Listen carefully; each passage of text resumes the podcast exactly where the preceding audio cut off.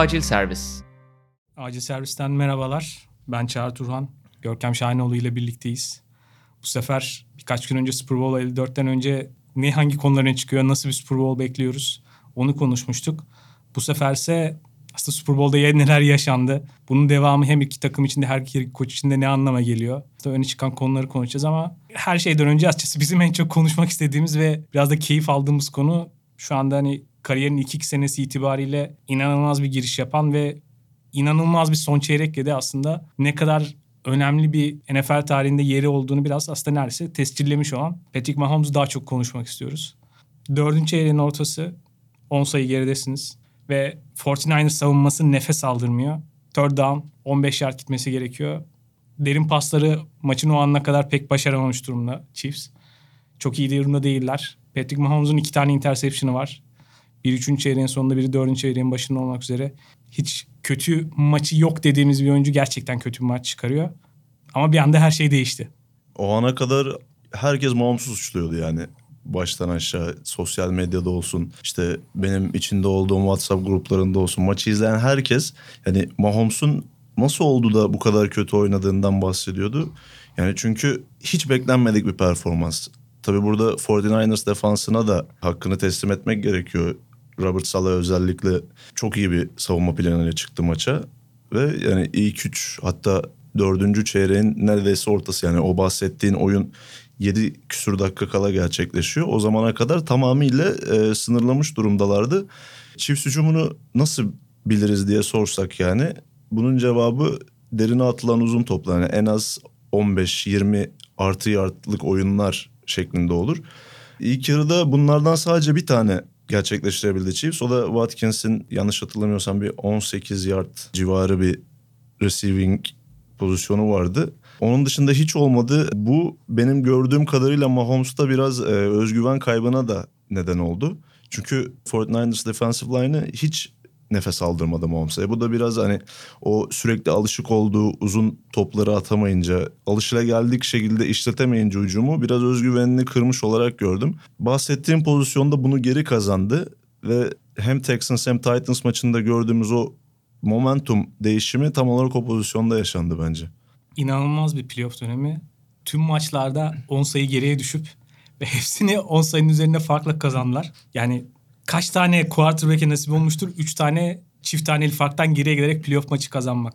Yani ben San Francisco karşısında ilk 3 çeyrek geri dönemeyişinin nedenini başta şey olarak düşünüyordum. Hani ya San Francisco defansı kardeşim hani ona da biraz saygı duyalım. Texans değil bir Titans değil yani ama son periyotta yaptıkları daha bile kötü. Yani ilk iki takıma yaptığından daha bile kötü. Çünkü sezonun en iyi savunması ve tarihe geçebilecek savunmalardan birisi. 8 dakikada 3 touchdown'a izin verdi ve maçı kaybetti yani son periyotta. Patrick Mahomes'u izlerken hep hani farklı hissiyatlar yani gerçekten bir kere en çok hani belki hoşuma giden tarafı hep böyle bahsedilir zaten hani maçın genel baskısıyla veya NFL'in özellikle komplike yapısıyla taktik savaşlarının biraz dışında sanki evinin arka bahçesinde oynar gibi böyle rahatlıkta hiç umursamadan ve hiç kaybetme korkusu olmadan sürekli denemeye ısrar etmesinden bahseder. Örneğin Andy Reid maçta özellikle yani aynı oyunu biz maçın başında da oynamıştık. O zaman çalışmamıştı ve bunun tekrardan işe yaramayacağına dair örneğin hiçbir kuşkusu yok kafasında. Öyle sarsılmaz bir yandan bir özgüveni de var ve Andy Reid'in playbook'unun bile sınırlarını o kadar genişletti ki. Andy Reid'in 21 yıllık head coachluk döneminin. Hı hı. Bambaşka bir oyuncu yani. Şimdi çok açık bir şekilde hani iki sene önce ilk kez artık starter pozisyonuna gelmeye başlayacağında ki Alex Smith gibi Pro Bowl bir quarterback'le yolları ayırma kararı aldı Kansas City. O zamandan şu anki yani kontratının yeni sözleşmesinin uzatılacağı ve onun şu andaki Amerika'daki profesyonel spordaki büyük ihtimalle yıllık ortalama maaşı en yüksek oyuncu olacak. Yani 40 milyon dolardan evet, en, en az başlaması bekleniyor. Milyon bekleniyor. En az. En az evet. Ve o zamandan buna ki kendini tanıklamış bir oyuncu değildi. Çok riskli bir draft tercihiydi pek çok kişi açısından o dönemki değerlendirmelerde. O zamandan yani tüm takımını bir şekilde buna ikna etmiş bir oyuncu ve kariyerinin bundan sonrasında hani sınırları yok gibi geliyor. Ya dediğin gibi Mahomes oyunu tamamen değiştirdi. Yani ben biraz Stephen Curry'e benzetiyorum onu bu yanından dolayı. Çünkü Curry'nin NBA'ye adım atmasıyla birlikte oyunun gözlerimizin önünde ne kadar değiştiği aşikar. Ee, Mahomes da yıllardır kötü gözle bakılan air raid dediğimiz kolejde çoğu takımın kullandığı pistol formasyonundan genelde snap alınan spread offense tamamen yüksek tempo pasa dayalı bir hücumdan gelmesinden dolayı profesyonel hücumda nasıl katkı vereceğini, bu geçişi nasıl sağlayacağı çok soru işareti olan oyunculardı bunlar. Chiefs takasla 10. sıraya çıkıp Mahomes'u aldı ve bütün oyununu onun etrafında inşa etti. İşte Andy Reid playbook'unu değiştirdi. Hibrit bir playbook oluşturdu onun için. Mahomes'un iyi yapabildiklerini daha iyi yapabilmek adına bir takım kurdular etrafında. İşte Tyreek Hill, Sammy Watkins, bu sezon Michael Hardman yani tamamen hıza dayalı. Bir maçta atılabilecek en çok pası atarak işte tabiri caizse bir basketbol maçı gibi hani skor açısından oynamayı temel olarak mentalite edindiler kendilerine. Mahomes 24 yaşında ve şu ana kadar bir normal sezon MVP, bir Super Bowl MVP ve bir Super Bowl yüzüğü var. Bu gerçekten yani bu yaşta çok zor yani başarılabilecek bir şey. Bu açıdan büyük saygıyı hak ediyor. Ya bunu tarihte yapan iki oyuncu var. Biri Joe Namath. O da çok kendine has spektaküler bir figürdü ama evet. biraz da farklı saha dışı yönüyle de öne çıkıyordu. Diğeri Tom Brady ama Tom Brady'nin kariyerini böyle başlangıç çok yani. Oyuncu olarak Tom Brady işte genç yaşta Super Bowl kazandığında böyle bir takımın kazanmasının ana sebebi Tom Brady değildi en azından. Evet. Öyle bir takım değildi o dönem Patriots. Ve hani bu sezon özellikle hani biraz daha dikkat çeken konulardan bir tanesi biraz son yıllarda son bir iki yılda özellikle gördüğüm şey mesela siyah QB'ler biraz daha ön plana çıkmaya başladı ve hep tarihçi olarak biraz ön yargılı davranılan bir grup. Patrick Mahomes bir kere onu hani o artık tartışmayı bayağı kapatma noktasında bir imza attı her şeyin ötesinde. Hani bu sezon gördük işte. Yani her zaman Dak Prescott olsun, Deshaun Watson, zaten Lamar Jackson MVP Anonymous oldu. MVP oldu. İnanılmaz bir şey o da. Yani tarihte ikinci defa. Bunları yapmış. Hani bu grup çok heyecan verici bir yandan gidecek ama bir ona ekstra bir imza da attı yani. O artık onun ayrıca bir önemi var yani tarih sayfalarında. Mahomes'un bir de şu özelliği çok dikkat çekici. Yetenek olarak kimsenin şüphesi yok. Müthiş bir oyuncu. Pozisyonun gerektirdiği her şeye sahip. Onun dışında mental açıdan da çok gelişmiş bir oyuncu. Yani baktığımız zaman 24 yaşında üçüncü yılı olsa da aktif olarak ikinci yılını geçiren bir oyuncu. Super Bowl'dasın. Kariyerinin önemli maçını oynuyorsun. Üst üste iki drive interception atmış durumdasın ve takımın 10 sayı geride. Yani bundan geri dönebilmek başlı başına bir meziyet zaten. %99'u Mahomes'un yerinde olabilecek aynı şartlar altında oyuncuların. Hani %99'u bu şartlar altında ezilirdi bence yani. İnanılmaz bir mental dirayet yani o açıdan. Her şeyin ötesinde en etkileyici şey bu maça dair kesinlikle o gibi geliyor. Bence. Bu arada o maçın momentumunu değişen oyunu da Patrick Mahomes'un söyledi. Yani Andrew'de bunu oynayalım şeklinde söylediğini açıkladı geçen QB koçu Mike Kafka. Patrick Mahomes kendi şu anda kariyerinden ne kadar mutlu olduğundan bahsederken harika bir durumun içine düştüm. Çok iyi bir evlilik diye bahsediyor. Onun sebebi Andy Reid. Tabii ki de. Ve Andy Reid'in kariyerine baktığımızda kariyeriyle alakalı bütün klişelerin yıkıldığı bir maçtı. En çok da sahada yani teknik taktik kararları açısından yıkan bir maçtı. Yani ondan bahsedecek olursak herhalde o kadar çok yaptığı ve maçın kırılma anlarında bir şekilde çift ayakta tutan anekdot vardı ki hani gerçekten maçı koç olarak da kazandı bir yandan. Yani özellikle karşı tarafla kıyaslamak gerekirse Carl Shanahan mesela normalde Andy Reid'den görmeye alıştığımız hataları yapan taraf bu sefer oydu. Andy Reid'in artık 21. yılında hani tecrübelenmiş olduğunu söyleyebiliriz ama yani 21. Konu... 21 yılın sonunda head coach olarak şampiyon oluyor. Hı hı. Bu tarihteki en uzun süre bekleyen yani head coach olarak en uzun süre sonunda şampiyon olan head coach oldu bir yandan. Hatta karşılayan şu an benzetmeler var maçla alakalı. Andy Reid'in kariyeri böyle bazı kültürlerde vardı işte. Birinden birine böyle laneti devretmek, hastalığı devretmek, geçirmek gibi. Neredeyse oradan bu lanet ve klişe meşalesi Andy Reid'den böyle karşılayana geçti gibi bütün maç. Yani Andy Reid'in böyle biraz daha maç içinde aslında muhafazakar davrandığı ve kaybettiği çok maç oldu kötü şekilde. Zamanı iyi değerlendiremeyerek yani maçın özellikle sonundaki maç süresini doğru yönetemeyerek kaybetmesiyle alakalı çok fazla geçmişti. Hani biraz bir geçmişi orada biraz sabıkalı yani bir koç. Ama örneğin iki tane fourth down tercihi var. Hani ayakta alkışlanır yani. O bir tanesi koreografik olarak da çok ilgi çekiciydi. Orada 4 ve 1 oynayacaklar ve en zona 4 ya da 5 yard uzaklıktalar. Yani orada senin de tweetin vardı hatta kolej futbolundan alınma bir koreografik dans şeklinde böyle sanki 90'ların erkek pop grubunun yapacağı şekilde bir dans hareketiyle e, dizilişleri vardı. Yani o görsel açıdan da çok iyiydi. Ve mesela hep bahsediyoruz Andy Reid'in daha önce bahsettik. Ne kadar inovatif ve tarihin her yerinden her maçtan bir şey alıp adapte eden bir koç olduğunu. Eric Bieniemy e, hücum koordinatörü söyledi. söyledi. 40'lardan bir Rose Bowl'dan alınmış yani. Evet, evet, kolej Michigan. futbolundan alınmış bir oyunu devşirerek yaptıkları bir şey. Yani çok geçmiş böyle nostalji kokan modern futbolda ne alakası var diyeceğiniz bir şey. Bir Aynen öyle. Bir benzerini de e, bu sezon Las Vegas Bowl'da Boise State yanılmıyorsam Oregon'a karşı yapmıştı ama onlar biraz daha farklıydı. Senin dediğin Michigan 42 galiba. Rose 48, Bowl 19. 48 o da olabilir. Rose Bowl'da Michigan'ın yaptığı birebir aynısı. E, Şeneyen'in hani laneti devretmesinden bahsettin. Şeneyen bir bakıma da kendi lanetini üstüne koyarak oluşturmaya devam ediyor. 2016'ydı değil mi? 2000 yani 3 yıl önce. Patriots'a kaybettikleri hücum koordinatörü olarak. Orada da bayağı bir geriden gelip son periyotta maçı kaybetmişlerdi skor üretemeden. Bir benzerini bu sefer koç olarak yaşadı. Yine son periyotta skor üretemediler ve kupayı kaybettiler. Karşıyına aslında birazdan geleceğiz ama Andrew'den bahsederken şu mesela teknik taktik tarafında. Gerçi bu arada Andrew Reid'e süresini yönetmek için zorlayan bir durum oldu. Çünkü son iki dakika kala süreyi yönetmesiyle alakalı bir sıkıntı çıkarmadılar Andrew'de. Orada sıkıntı biraz daha Karşıyenen tarafındaydı sorumluluk. Ama örneğin gene bir fourth down oyununda bir option oynuyorlar. İşte quarterback üzerinden bir run on option gibi bir pozisyon vardı. Hem orada yaratıcılığını gösteriyordu. Bu gibi pozisyonlarda birkaç oyunda. Hem de cesaretini ortaya koydu ve bir bayağı bir açıkçası orada imzasını attı aslında. Endrit o gibi oyunlarda çok geriye düşmeyerek ki evet ya Mahomes'un zorlandığı pozisyonlardan bahsettik ama mesela 3. çeyrek ve 4. çeyreğin ortasına kadar ama bu bir buçuk çeyrekte gerçekten hani orada Ford'un aynı savunması ya bir yere kadar frenleyebiliyorsunuz. Yani gerçekten çok insafsız bir grup o, o defensive line ama onun öncesinde de bir şekilde o takımla baş etmek için örneğin o paketi sürekli taşıdı. Patrick Mahomes'u biraz daha mobilitesi olarak kullanarak o pes taşı biraz yavaşlattığını gördük. Yani o tip ince ayarları da çok fazlasıyla yaptı yani. Başka türlü zaten çok baş etmeniz mümkün olmadı bir savunma çünkü. Ya Mahomes maç boyunca zaten neredeyse attığı her pasta sürekli cebi sağa ya da sola kaydırarak attı pasları. Yani sürekli hareket halindeydi. Bu on the run dediğimiz paslardan yeni nesil QB'lerin özellikle çok iyi yaptığı işte Deshaun Watson, Lamar Jackson, Mahomes bunların en büyük örnekleri.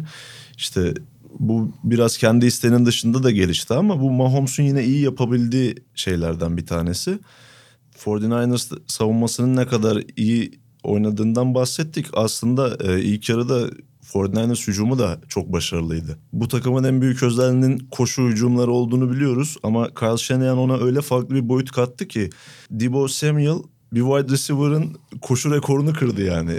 Sadece running back'leri değil receiver'ları bile efektif bir şekilde koşturdu. Fullback'i de receiver gibi kullandı zaten. E, Evet evet bir touchdown'ı Kyle Juszczyk yaptı. Yani Kyle Shanahan da playbook'unun sınırlarını zorladı aslında. Özellikle koşu tarafından. Ama işte biraz daha korkak mı davranması diyeyim. Mesela o ilk yarının çok sonundaki... çekingen ve muhafazakar evet, davranış. Yani herhalde en çok örneğin medyaya baktığım zaman kim sonuçta biliyorsunuz ki belli oradaki yorumcularda kim hangi koç veya o grupla ilişkisi varsa mesela onu belli konularda eleştirmiyorlar. Mesela dikkatimi çekti işte yakın arkadaşı Chris Sims ve bağlantılı oldu mesela Mike Lombardi sadece savunmaya daha çok eleştirdiler. Hücumla alakalı Kayşe'nin tercihlerini çok yorum yapmıyorlar veya bir sürü kişi hani sonuçta burada farklı görüşler var. İşte Jimmy Garoppolo'ya pek birazdan geleceğiz hani ona çok laf sö- söylemiyorlar belki ama hemen hemen herkes herhalde o ilk yarının sonundaki o çekingen tavrının maliyetiyle alakalı Ya aslında baktığımız zaman sadece o pozisyondan dolayı maçı kaybettiklerini söyleyemeyiz. Yani ben bütün suçu Şeneyen'e dağıtmak istemiyorum. Çünkü belli başlı konularda zaten Chiefs'in gerisinde olan bir hücum takımı var. Ama yani o pozisyonda mesela Super Bowl'dasınız ve olabilecek her katkıya ihtiyacınız var. Yani her açığı değerlendirmek zorundasınız. Orada yanılmıyorsam iki dakikaya yakın bir süreleri vardı ve üç e, molaları vardı. Şene'nin burada yaptığı hatalardan bir diğeri de hani o pozisyon sorulduğunda yaptığı açıklama aslında. Topu bir daha Mahomes'a vermek, Chiefs'e vermek istemiyordum dedi. Yani bu tamamen ben kübime güvenmiyorum demek. E, Garoppolo'yu orada biraz ateşe attı. aslında o ilk devrenin sonunda devam etmediği noktanın bir kere hani bu kadar patlayıcı bir hücuma karşı o riski almadığında zaten daha fazla sayı ihtiyacı bir geri çekingenlerinde bir tavır olarak aslında Garoppolo'ya çok güvenmediğini de gösteriyor. Benzerini sezon içindeki maçta da yaşamıştı yani. Çok onlar için belirleyici olan aslında tam bir ağır siklet maçı. Belki ligin en iyi takımı, iki takımın maçından bahsediyoruz. Baltimore Ravens deplasmanında da yine devre arasında berabere girmeyi tercih etmişti. Yine benzer bir şekilde o sürenin sonunda. O herhalde maçın devamı için böyle gelecek şeylerin böyle tüm o felaket senaryosunun böyle ilk göstergesi gibi geliyor bir yandan. Chiefs'in ne kadar patlayıcı olduğunu bu maçta bir kere daha gördük. Bir periyotta bile gerek yok yani. 8 dakikada 3 taçtan yapabilecek bir takımdan bahsediyoruz. O yüzden hani hiçbir farkın güvencesi yok. Korkunun ecele faydası yoktu tabirinin karşısında bir takım ya. Aynen öyle ve bir noktada quarterback'inize zaten ihtiyaç duyacaksınız. Bu takımı koşarak yenmeniz çok mümkün değil biraz güvenmesi gerekiyordu ama bana soracak olursan yanlış yerde güvendi. Son periyotta tam böyle Chiefs'in geri dönüş yapmaya başladığı anlarda top bir kere daha 49ers'a geçtiği zaman herkesin beklentisi hani koşarak hem biraz süreyi eritmek hem de o ana kadar hiçbir cevabı yoktu Chiefs'in 49ers koşularına karşı. Hatta Tyron Matthew'nun da maçtan sonra bir demeci var. Hani iyi ki koşmayı bıraktılar yani. Bizim işimize geldi pasa dönmeleri gibisinden konuşmuştu. Orada biraz sanki panik havası Chiefs tarafından 49ers tarafına geçti. Ve bir dört haklık e, süreçte yani yeni bir first down almışlardı. Hiç koşmadılar. Üç hakkın hepsini pas olarak değerlendirdiler. Hatta şu an net olarak hatırlamadım. Dördüncü hakta oynamışlardı galiba o hücumda. O hücumda dördüncü Evet o, o, onu da başaramadılar ki şey Emmanuel Sanders'a ıskaladığı pas. Yani Garoppolo'ya da birazcık e, nasıl diyeyim giydirmek. Suçsuz değil yani. o, o da suçsuz değil. Çünkü çok müsait bir pozisyondu. Çok kötü bir overthrow pas oldu. Biraz Karşı'nın belki beklentilen işte karakterinin dışında varacak yani işte orada koşudan vazgeçerken sanki orada Spanyol'un biraz akıl oyunlarına kaybettiler gibi yani ona biraz o tuzağa düştüler gibi koşudan vazgeçtiğin an biraz zaten tam istediği yani Chiefs'in daha iyi olduğu taraf tabii ki pas savunması. Biraz onların o tuzağına düştüler o oyuna geldiler gibi. Aslında Chiefs biraz onlara o meydan okudu yani maçın belli anlarında da. Tamamen zaten bu hücumu ve o kuş savunmasını durdurmanız mümkün değil ama bazı yerlerde sınırlayabiliyorsanız 7 yerine 3 ile idare edebiliyorsanız zaman zaman savunmada zaten fena bir iş çıkarmıyorsunuz demektir. Ve herhalde belirleyici noktalardan bir tanesi orada. Onlara o play action bazı pas oyunu çok iyi gittiği için ki onda hem Jimmy Garoppolo çok iyi hem zaten Kyle onun yani hani onun zaten ustası. Orada çok iyi gittiği için onun üzerine devam etmeye sanırım karar verdiler. Koşudan biraz vazgeçtiler. Orada sanırım bir tuzağa düştüler gibi. Yani ben Kayşe'nin öyle zor durumlar için yani sıkıntılı anlar için cebinde rahat rahat 15-20 yard götürecek koşu oyunlarının olmadığını hiç inanmıyorum. Yani kesin vardır. Orada sanki vazgeçerek o bir tuzağa biraz düştü. Yani bizimki biraz tabii bundan sonra hani testi kırıldıktan sonra yol göstermek yani. Maç belki çok düşük bir ihtimalle hatta yani işte maçın rakamsal hani veri bazı ihtimaller hesaplamasında yani %97'den kaybediyor. %97 ihtimalle kazanacakları evet, maçı kaybettiler. %93'tü sanırsam son periyoda başlarken o ihtimal. Yani bir de oynamadığı fourth down'lar var 49ers'ın. Onun yine verisel e, bir takım hesaplamaları sonucu %5 şansının düştüğü açıklandı. Yani bir tane spor sitesinin yaptığı hani nasıl bir çalışma onun hakkında detaylı bilgim yok ama yani Şeneyan biraz e, korkak davranan taraf oldu diyebiliriz. Ve bunların hepsi aslında Android ile özdeşleşmiş şeylerdi. Android tamamen onun aksini bir yönde gitti ve sanki bütün üzerindeki laneti dağıttı gibi. Ama herhalde maçta alakalı maçın biraz ötesinde nihai olarak Android'in kazanmasından herkes o kadar mutlu oldu ki. Yani maçla alakalı bütün oyuncuların daha sonrasında konuşmayacağım. Normalde hep klişeler vardı. Hatta bahisler vardı işte. Oyuncu MVP ilk kime teşekkür edecek vesaire falan bahisleri vardır. Hep böyle biraz daha klişeler orada şey yapar. Herkes neredeyse eksiksiz, istisnasız Andrew için en çok kazanmış olmaktan mutlu. Yani Super Bowl kazanmışsa herkesin kariyeri için çok önemli bir şey. Herkes önce Andrew için mutluydu. Yani biraz daha uç noktası belki bana geliyor ama onun aslında sarılık kariyerinde sadece bir yıl çalışmış ki onun pozisyon koçu bile değil. İşte BYU'da onunla birlikte çalışmış. Ama 49ers efsanesi Steve Young. ESPN'in maç sonu yayınında yorumcu o da. O bile yani takımı kaybetmiş. Çok kötü olmasını bekliyorsunuz aslında. Enir için sanki daha mutlu gibiydi yani. O kadar herkes önce onun için mutlu gibiydi yani. O yüzden herhalde hepimiz için ayrı bir an o anlamda. Ya istisnasız her koşulda takımı her şeyin önünde tutan bir koç Reid. Yani e, maçtan sonra hatta bu geçtiğimiz sene Patriots'a karşı kaybettikleri AFC finalinde hani D Ford'un yaptığı hata sorulmuş. Yani orada bile şu şekilde konuşabiliyor. Yani orada işte birkaç inç öne çıkan hani offside'la Patriots'a bir şans daha veren D Ford değildi. Yani biz takım olarak bunu yaptık. Eagles'taki döneminde Super Bowl oynadığı sezon 2005'te yanılmıyorsam Donovan McNabb'in bütün eleştirilerini kendisi göğüslemişti. Yani her zaman takımı önde tutan ve takım için her şeyini veren bir koç olduğu için bunun karşılığını da çoğu zaman alıyor. Yani Andrew Reid'le çalışıp da ona çok büyük saygı duymayan ya da sevmeyen birisi olacağını zannetmiyorum ben. Bir yandan şöyle bir şey geliyor aklıma. Hatta bu bahsettiğim tam 2005'teki o Super Bowl'da Patriots'a kaybederken bu maça çok benzer bir senaryo oluşuyor maç sonunda. Yaklaşık 8,5 dakika var gene. 10 sayı gerideler. Top Eagles'ta.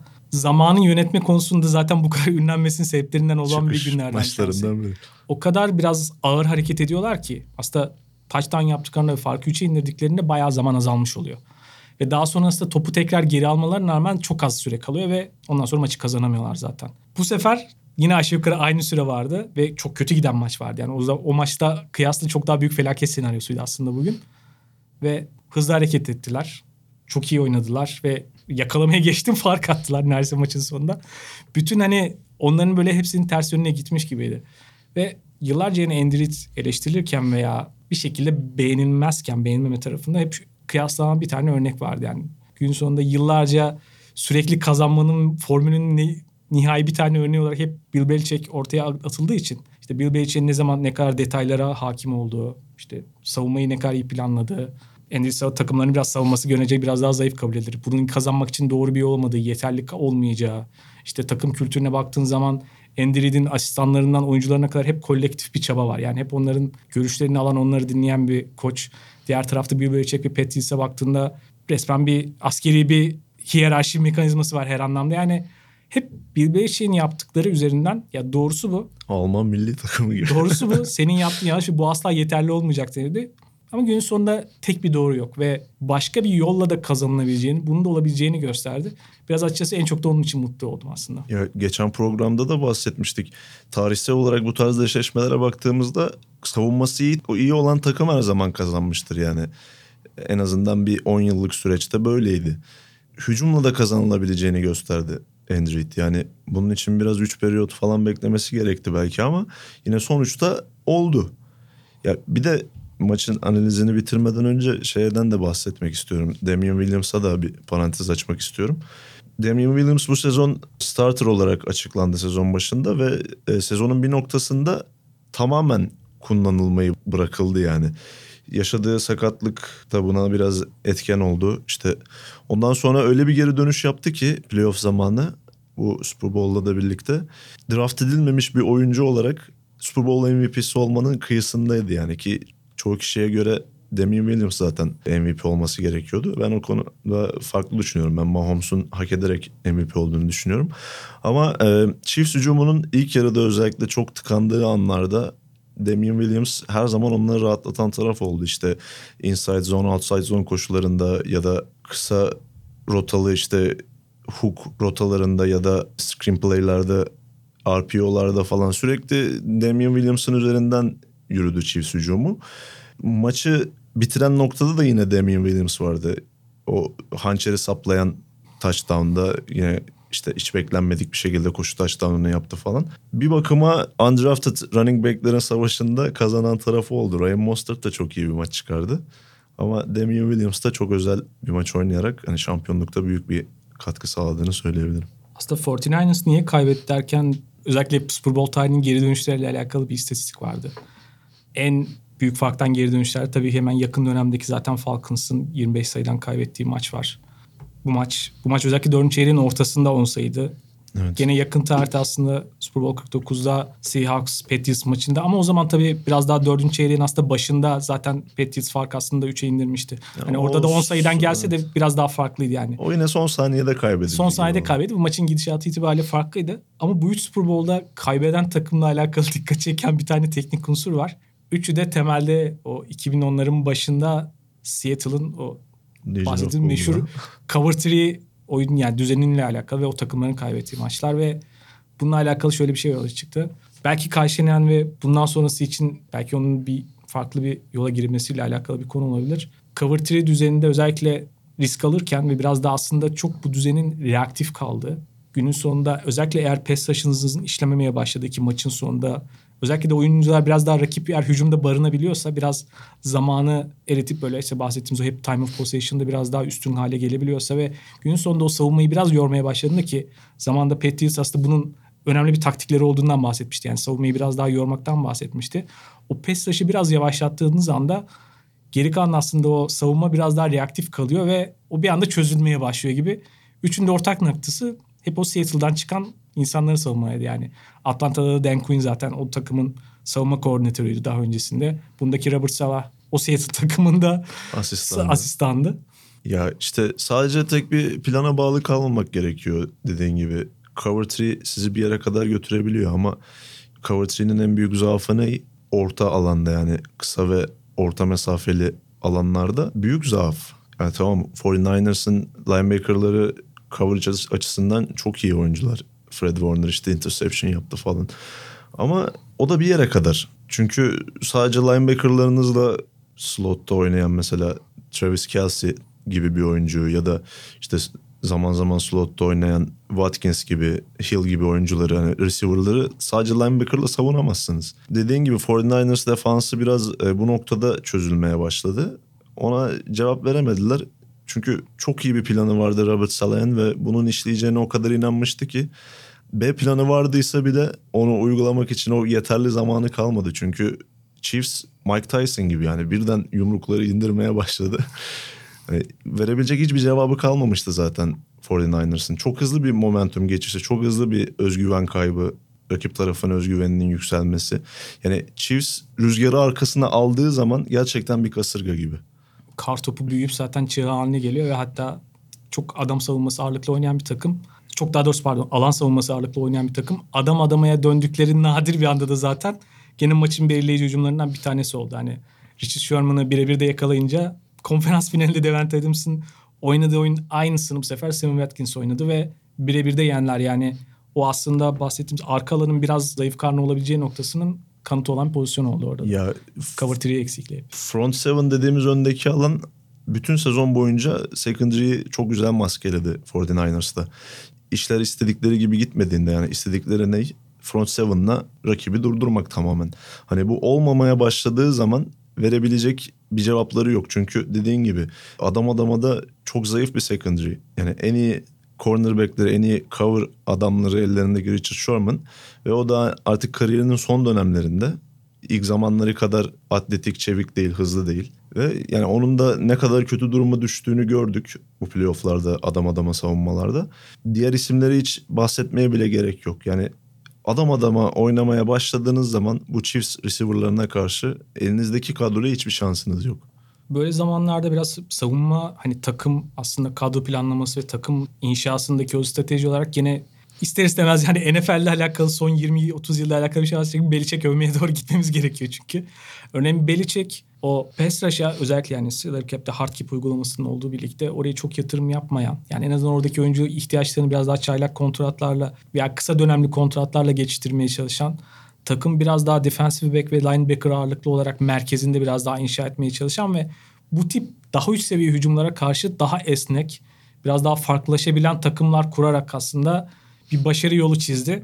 Bu ise aslında o kadar esnek olmayan çok tahmin edilebilir bir takım haline geliyor. Yani çok güçlü bir yanı var ama oradan o defensive line ve pass rush biraz çözülmeye başladığı anda arkası çığ gibi geliyor resmen. Evet güçlü yanına çok fazla güvendi 49ers. Hani bunu söyleyebiliriz. Yani sezon boyunca herkesi ezdikleri için el yumruğu yemeyen en güçlü yumruk bende dermiş hesabı oldu biraz. 49ers tarafından yani bundan sonraki adımına geçe aslında hani çok konuşulan bir şeydir. Yani buraya gelen takım. 49ers genç bir takım.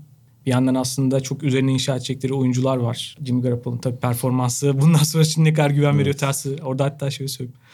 Tom Brady, Bill Belichick'e maçı izlerken Jimmy Garoppolo'nun hatalarını gördükten sonra bir işaret yapmış mıdır? Bak senin adamın bunun için beni gönderiyordun. Ya Patriots taraftarlarının en büyük isteği zaten 49ers'ın kaybetmesiydi bence bu maçta. Çünkü eğer 49ers kazansaydı Garoppolo üzerinden bunun geri dönüşleri çok olacaktı. Yani işte Tom Brady'ye özellikle bırakmadın da işte biz bu duruma düştük. Bu adam iyiydi. Yani gerçekten iyi. Ama işte olmadı. Yani Jimmy Garoppolo'nun açıkçası çok kaçırdığı pas var. Hataları var. İşte interception. Özellikle interception akıl alır gibi değil yani. Vesaire. Ama bir yandan 49ers'ın geleceğine yön verirken tabii ki Jimmy Garoppolo konuşmadan olmuyor ve emin olmadığım bir tane nokta var. Şimdi Jimmy Garoppolo ilk kez full tam bir sezonu starter olarak geçirdi. Çünkü takas edildiği sezonun ortasında geldi. Devamında çok iyi performans gösterdi. Geçen sezonun hemen başında büyük bir sakatlık geçirdi. Genelde o çapraz bağ sakatlıklarından sonra ilk sezonda geri dönen hiçbir oyuncu tam olmuyor. Onun üzerine bir sezon daha geçmesi gerekiyor. Ve hatta Kayşe'nin babası Mike Shannon'ın verdiği röportajlardan birine bahsetmiş. O tabii tam Kayşe'nin ona konsiliyeri diyor yani. Gizli asistan koçu aslında gizli gücü onun. Onunla biraz vakit geçirmiş geçen yıl içerisinde. Ee, özellikle de o sakat olduğu dönemde. Yani çok kolay değil diyor yeni bir takıma, yeni bir düzene alışmak. Hani sezonun ortasına gelmişti. Sonraki sezonda oynamadan devam etmek çok kolay değil. Çünkü bambaşka bir organizasyon kültürü, bambaşka bir hücum anlayışına geçiyorsunuz ve quarterback için ya bazen biliyoruz bu ligde quarterback'leri uyum sağlasın, takımı öğrensin, hücumu öğrensin diye 2-3 sene oturtursunuz bazen yeri gelir. Bambaşka bir dili öğrenmek diye bahsediyor. O yüzden de hani şu anda olduğu web zayıf karın olarak gösterilmesine rağmen bir yandan aslında daha fazlası var tarafı var bir düşünce ama bir yandan da o kadar kötü mentaliteler yaptık yani tam amatör quarterback gibi yani first read'in çalışmadığı, ilk opsiyonunu görmediği hiçbir pozisyonu neredeyse bitiremedi özellikle dördüncü çeyrekte. Sen neredesin orada yani 49ers'ın yani, Jimmy G konusunda geleceğini olan. Şimdi böyle eleştiriyoruz falan ama yani Jimmy Garoppolo kesinlikle kötü bir QB değil. Bana soracak olursan hani NFL ortalamasının biraz üzerinde diyebilirim. Ama yani işte bu takımı nihai kupaya ulaştıracak QB mi onu tartışmak gerekiyor. Çok koşu odaklı bir hücumun quarterback'i olmak aslında bir bakıma kolay bir bakıma da değil. Çünkü bütün maç koşmuşsunuz, koşmuşsunuz, koşmuşsunuz tam işte artık pas atmanız gerekiyor. Bütün yük omuzlarınıza biniyor yani. O maçın ritmine ayak uydurmak bu tarz hücumlardaki QB'ler için çok kolay bir şey değil. Bir de Garoppolo her ne kadar 5 seneyi doldurdu herhalde ligde. Bu kadar bir tecrübesi varmış gibi gözükse de e, bunun büyük kısmını zaten Patriots'ta yedek olarak geçirdi. Ve bir sezonu da komple sakatlıktan kaçırdığını düşünürsek o da aslında hani çok tecrübeli bir QB sayılmaz. Ee, bir de Kittle ve sezonun bir noktasından sonra gelen Sanders ve onun gelişiyle oynamaya başlayan Samuel haricinde çok da iyi receiver'lara sahip olduğunu da söyleyemeyiz. Bir noktadan sonra iyi receiver'lara sahip Hatta olmaya pas başladı. koruma konusunda offensive line ne kadar koşu bloğunda o kadar iyiyse pas koruması noktasında biraz zayıf halkalar aslında. Evet evet o da bir etken. Mesela Joe Staley sürekli Super Bowl'da bile yani bir iki kere çıkıp girmek zorunda kaldı. Çok sakatlıklarla boğuştu. Yani çok iyi bir offensive line'dan da bahsedemeyiz.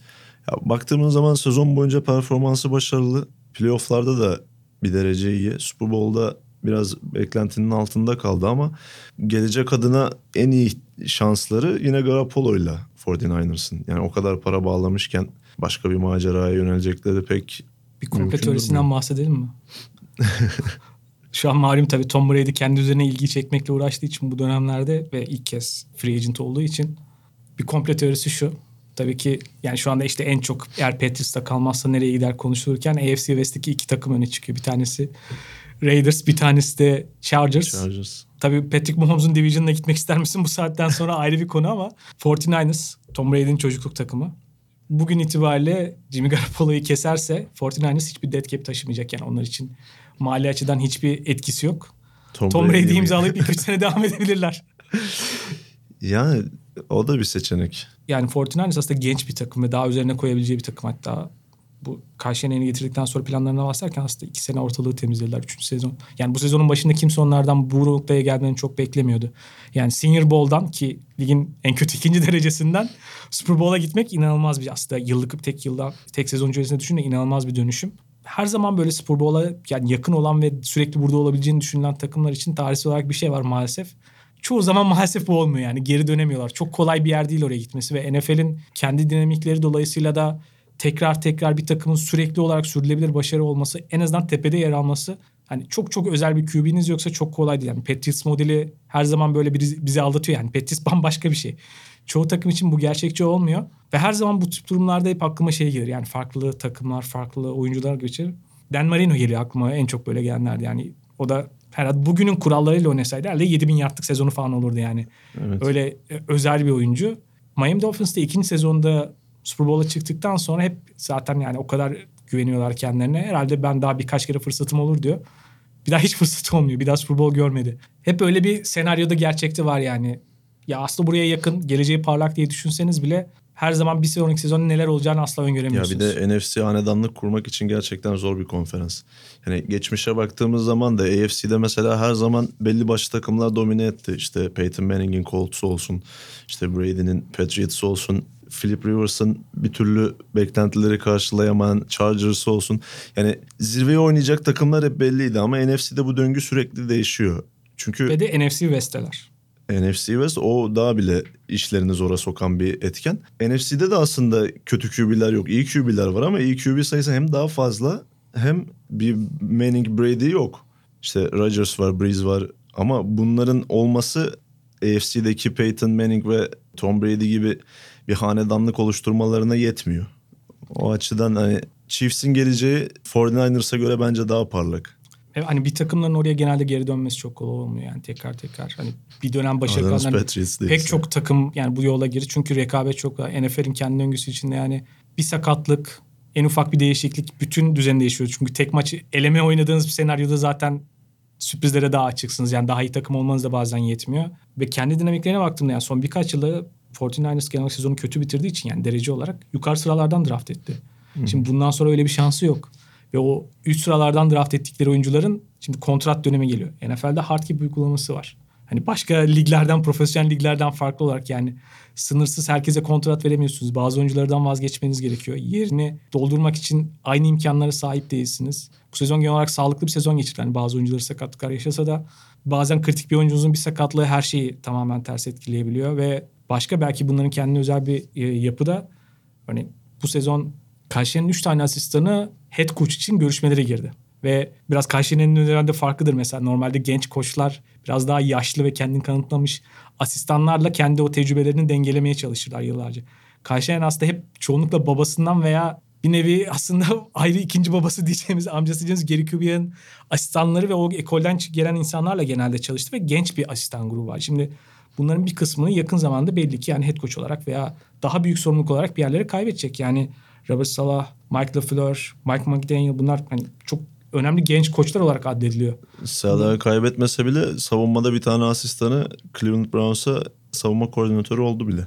Yani genel olarak genç bir asistan koç ekibi var ve bir noktada bunlardan da bazılarını kaybedecek ve NFL'de bildiğimiz bir şey varsa tüm o sadece head coach olarak tek başınıza olmanız yetmiyor. Bütün o koç grubunuzun toplam olarak ne önerdiği çok o çok belirleyici sizin için. Aynen öyle.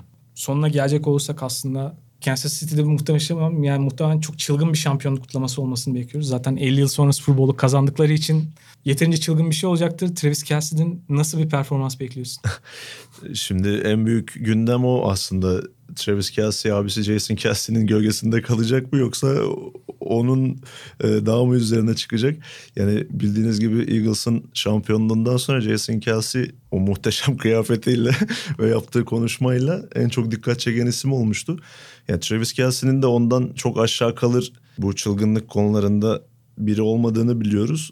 E, Ben merakla bekliyorum neler Hatta yapacak. Yani iki tane çok iyi oyuncu kardeş. Yani pozisyonun belkileri en iyi. Biri de diğerinin ligin en iyi centerlarından bir tanesi.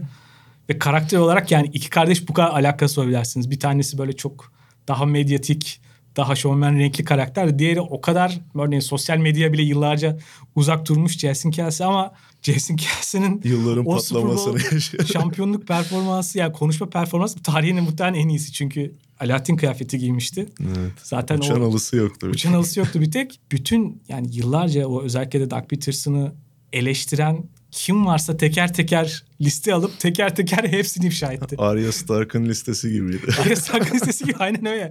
Herkesi ifşa etti. Onun üzerine çıkacak böyle bir çılgın performans bekliyorum Travis Kelsey'den Yani geri kalmaması lazım. Evet, sevgilisini e, televizyon programlarıyla arayan bir oyuncudan bahsediyoruz yani. Herhalde en çok ama yine Endrid merak edeceğiz. Zaten Endrid güzel bir kutlama yapmış yani kendisi. evet.